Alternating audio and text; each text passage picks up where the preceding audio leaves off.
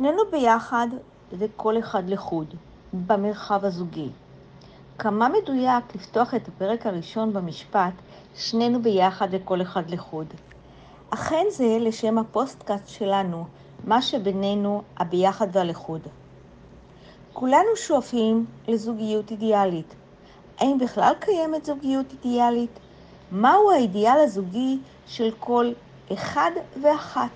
האם זהה, שונה? איך יוצרים זוגיות אידיאלית אחת שכזו? מה יכולים להיות הקשיים והפתרונות? על כך אדון בפרק שלפנינו.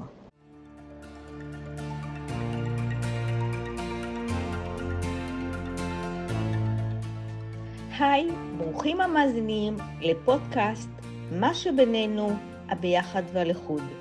שמי דני ששון, מגשרת מאמנת, מרצה ומנחת הורים. הפרקים בפודקאסט יעסקו במגוון הנושאים בתחומי הזוגיות, המשפחה והגירושין. כל פרק נדון באחד מהגוונים השונים של זוגיות, משפחה וגירושין. הפוקוס והמיקוד יהיה על האני, השני, האנחנו, בתוך מערכת היחסים. שנינו ביחד וכל אחד לחוד. אמירה זו מאפיינת את המורכבות הזוגית. האם האמירה מכילה שני מרכיבים שסותרים זה את זה, או האם האמירה מכילה אחד את השני? יש לנו, בני האדם, שני צרכים מנוגדים, להיות קרוב ולהיות רחוק. שני הצרכים נמצאים בפעילות גומלין מתמדת במרחב הזוגי. שני אנשים שונים כפרטים לעולם לא יוכלו להפוך באמת לאחד. כל אחד מגיע למערכת הזוגית עם עולם של אמונות, דעות, מחשבות, רצונות, צרכים. לכל אחד התייחסות שונה וצורך אחר לכמה ביחד וכמה לחוד במערכת הזוגית. פרופסור קליר רובין בספרה "טובים השתיים" כותבת על ארבעה הניגודים הבסיסיים בחיי הנישואים, שאחד מהם קרבה לעומת ריחוק. כיצד להיות אינטימי ועדיין לשמור על המרחב האישי.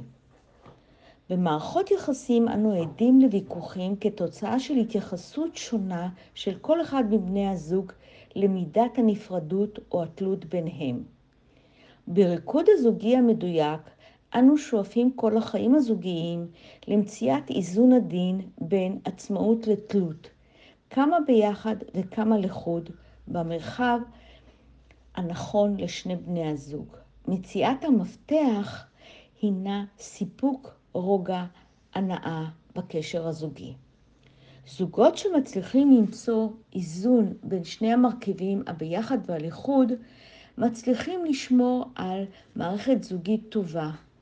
זוגות שאינם מצליחים למצוא את האיזון הנכון, מתנהלים בזוגיות רוויית קונפליקטים וויכוחים.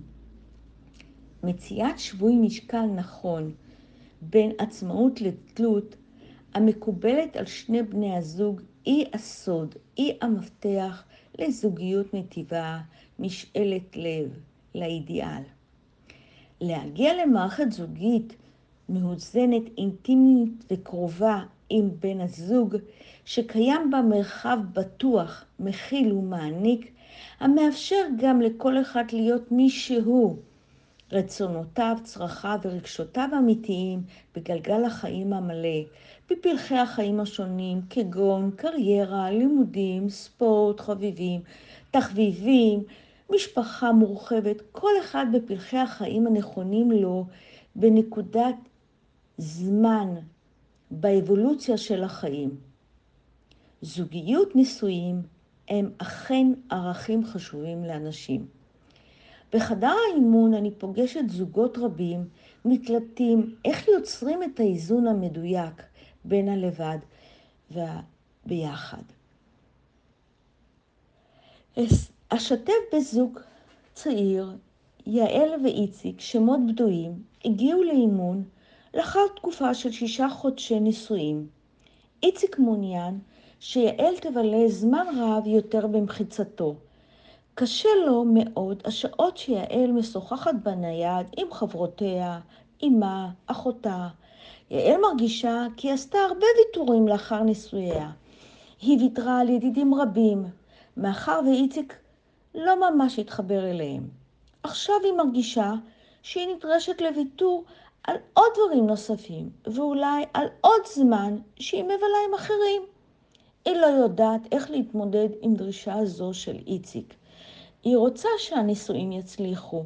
היא מבינה את הבקשה של איציק, שהיא מבלה ביד ומשתפת את כולם בדברים שקרו לה היום, היא בהכרח נמצאת ונותנת פחות לקשר הזוגי.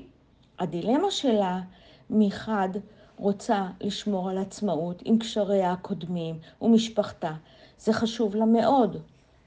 היא מרגישה שזה לא הוגן, ואילו איציק מרגיש שכל היום הוא חיכה לפגוש את רעייתו ולשתף אותה, והיא למעשה לא נוכחת. אפרט בקצרה שני מצבי קיצון של מערכת יחסים זוגית על הסקאלה, בין מערכת יחסים תלותית סימביוטית שבה קיימת תלות יתר, לעומת מערכת יחסים נפרדת עצמאית שבה קיימת נפרדות יתר. זוגיות של תלות יתר, זוגות שבהתנהגות הזוגית שלהם מתאפיינת על ידי תלות יתר, לפיה ביחד מתורגם אצל אחד מבני הזוג שבכל בכל יש לפעול, להרגיש, לחשוב ולרצות אותו דבר. זוגות אלו רואים אחד בשני שלוחה, חלק מהם, ולא אדם נפרד ועצמאי. בזוגות, בזוגיות כזו קיימת ציפייה מבן הזוג לקבלת מענה מיידי ומלא לכל הצרכים שלהם. אין ביכולתם והם אינם יכולים לראות בבן הזוג ישיות נפרדת ועצמאית. ביטויים של פעילויות עצמאיות אצל בן הזוג מעוררים אצל בן הזוג השני חרדה ואיום המביא לתגובה תוקפנית או ריצוי. בזוגות אלו של תלות יתר נראה בחדר האימון התנגדות להצעות של פעילויות נפרדות של בן זוגם בשעות הפנאי. בן הזוג התלוי ישאף שכל הפעילות תהיה ביחד ולא לבד. קיימת ציפייה לא ריאלית שבן הזוג יהיה שם כל הזמן בשבילם. הם מצפים שהאחר יכיל, יתמוך, יבין ויעודד אותם בכל עת. מציאות זו קיימת תחושה כי הזוגיות היא אישות אחת, לא יכולה להתקיים בחיים הנורמ... הנורמטיביים, אולי רק בפנטזיה, וזאת בשל הצרכים הייחודיים שכל אחד מבני הזוג, האישיות המיוחדת לכל אחד. לכל אחד מבני הזוג קיים עולם נבדל וייחודי משלו, עולם של רגשות, תחושות, מחשבות. בן הזוג יכול להיות עם השני. הזוגיות אינה אמורה לבטל את האני הייחודי של כל אחד מבני הזוג. במערכת זוגית שבה האחד לא עושה דבר ללא השני, נוצר בדרך כלל קושי לקבלת החלטות לבד. ייתכן בשל ניסיון שליטה אחד על השני. מצב זה יוצר התנהלות יומיומית מכבידה, מאחר שהם עושים הכל ביחד כדי שבן הזוג השני לא יחוש דחייה, נטישה או אפילו חוסר אהבה. במערכת זוגית עם תלות יתר מדוכאים הרצונות והצרכים של השני. הצורך האוניברסלי לעצמאות אינו מקבל מענה מלא. ממילא לא תתאפשר אינטימיות וקרבה בין בני הזוג. לכאורה הם ביחד, אלא נוצר צורך להתרחק מהזוגיות החונקת הזאת, עד כדי יצירת קונפליקטים ומריבות שיאפשרו את ההתרחקות מהמצב הדביק. זוגיות של נפרדות יתר. בזוגיות עם נפרדות יתר, כל אחד מבני הזוג פועל לפי רצונותיו, מחשבותיו והחלטותיו, תוך התעלמות מבן הזוג השני. זוג החי בצורה זאת, הזוגיות שלהם סובלת מעצמאות יתר ונבדלות גדולה. במערכת זוגית זו כל אחד מבני הזוג מקדיש את רוב זמנו לענייניו האישיים, עד כי שני בני הזוג חיים במקביל אחד ליד השני תוך מרחק, כמו שותפים בדירת מגורים. מצב של זוגיות בנפרדות יתר עשוי ליצור סבל, כעס, נתק וחוסר אכפתיות לשני. שניהם מרגישים כי אין שום דבר משותף ביניהם. מיותר לציין כי הזוגיות אינה באה לבטל את המובחנות והנפרדות של כל אחד, אלא היא באה ליצור עולם חדש של אנחנו. אותו אנחנו שמגלם בתוכו עשייה, חוויות ורצון להיות ביחד, שיש בו מן ההנאה, ההתפתחות והסיפוק. בד בבד עם עולם אישי, בו יש לכל אחד אפשרויות לצמיחה והתפתחות אישית. לכן כל זוגיות נעה בין רצון להתקרבות ולהתמזגות לבין רצון לשמירה על ייחודיות ונפרדות. כל זוג נע על ציר זה בריקוד המיוחד רק לו. שורשי הריקוד הזוגי נטועים בכל אחד מבני הזוג כבר מילדות. כל אחד הגיע לזוגיות עם תפיסת עולם לגבי קרבה ואינטימיות לעומת ריחוק. תפיסת העולם נשענת על ההתנשאות בחוויות הילדות. כאשר בן זוגך לא עונה על הציפיות שלך לקרבה או לריחוק, לעצמאות או לאינטימיות, הנטייה הראשונית והטבעית היא להיפגע, להיעלב, לכעוס, או להאשים או להתכנס, כל אחד בהתאם לדפוס תגובתו. פרשנות זו של התנהגות בן הזוג כאילו היא נגדי אינה נכונה, והיא שורש הבעיה. יש לדעת ולהבין שההתנהגות של בן הזוג אינה נגדי, אלא מייצגת את השני, את צרכיו, את רצונותיו, ואת האופן שבו גדל והתחנך. הבנה, קבלה והכלה את השונות היא בסיס ראשון והכרחי ליצירת קשר זוגי בר קיימא. כאשר אנו מוכנים לקבל שונות של הצרכים הזוגיים השונים ולפתח תקשורת זוגית פתוחה על הנושא, ולאמץ פתרונות מתאימים, אנו נשכיל ביחד לבנות את האמון הנכון לזוגיות בריאה. השאלה, האם ניתן להבחין בין נפרדות בריאה לנפרדות שאינה בריאה? לדעתי, זה תלוי ברגשות של בני הזוג, ואין מתכון אחיד לכולם, כיוון שכל זוג הוא עולם ייחודי בפני עצמו. איזה תקשורת זוגית קיימת, האם אתם יכולים לדבר בחופשיות על הרגשות, הרצונות, כמה אמון וביטחון כל אחד מרגיש במערכת הזוגית, האם אחרי הנפרדות מתקיימת התקרבות, שיחה אינטימית, קרבה, האם מתאפשר לזוגיות שלכם מפגשים יחידים עם חברים, עולם ספורט, תחביבים, האם תמיד זה הכל היה כך? או הזוגיות, הנישואים, הביאו והניבו יכולות גדולות יותר לנפרדות. נפרדות בריאה יוצרת זוגיות בריאה, שבה יש צמיחה ואפשרות לביטוי עצמי לצד ידיעה שיש מקום בטוח ומוגן. ניתן גם לשאול את השאלה, גם לגבי התלות, להבחין בין תלות בריאה לתלות בלתי בריאה. כאשר התלות היא גדולה, עד כדי כי הזוג מתקשה לנשום ולהרגיש שהוא נבלע בתוך השני, עד כדי היעלמות האני. זהו מצב יחסי מכביד ובלתי בריא. זוהי תלות יתר, לעומת תלות בריאה שמה, שבה מתקיימת שותפות, כיבוד ותמיכה הדדית. איפה הזוגיות שלכם היום על הסקאלה של מתלות יתר לתלות בריאה. הבנו שהקשיים של תלות יתר ונפרדות יתר נובעים מהקשיים שנוצרים כאשר קיימים פערים ברצונות של כל אחד מבני הזוג.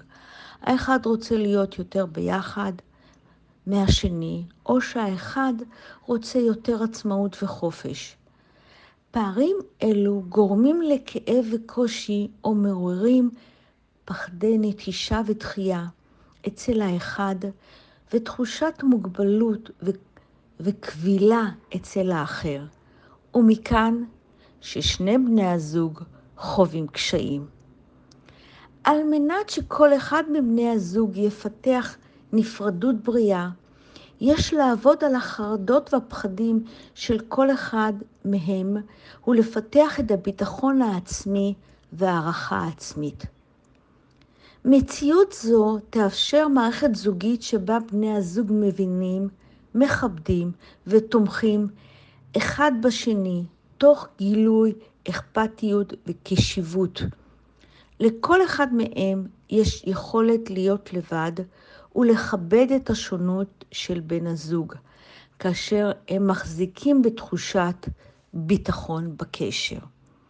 לכן, יצירת זוגיות בריאה תלויה באומנות החיבור בין בני הזוג, המוצא את הביחד הנכון והלכוד הנכון והמתאים לכל אחד מהם.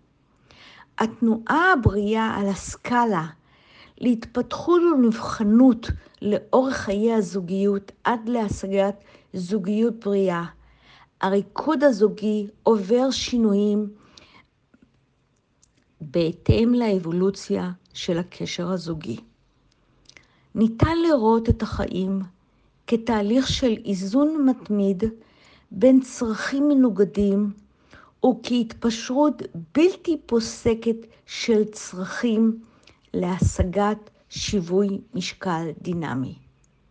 לכן, כל זוג בוחר לאחר עבודה, הבנה וקבלה את הריגוד הזוגי שלו, המבטא את הרצון להתקרבות ולהתמזגות, וכן את הרצון לשמור על ייחודיות ואינדיבידואליות של כל אחד מהם. אין בריקוד הזוגי נכון או לא נכון. לכל זוג מתאים סגנון ריקוד שונה. שונה. מקווה שטעימה על שונות הצרכים של כמה ביחד וכמה לחוד במרחב הזוגי אפשרה לכם להעמיק את ההבנה והמורכבות בצרכים הייחודיים של כל אחד בתוך הקשר הזוגי. אם למדתם, השכלתם, הבנתם, אשמח אם תעבירו את הפרק לחברים אחרים. כמו כן, אשמח לענות על כל שאלה. שמי דני ששון, אני מגשרת ומאמנת משפחה, והנייד שלי הוא 054 460 4 סליחה, 054 460 4970 בברכת הצלחה לחיי זוגיות נפלאים.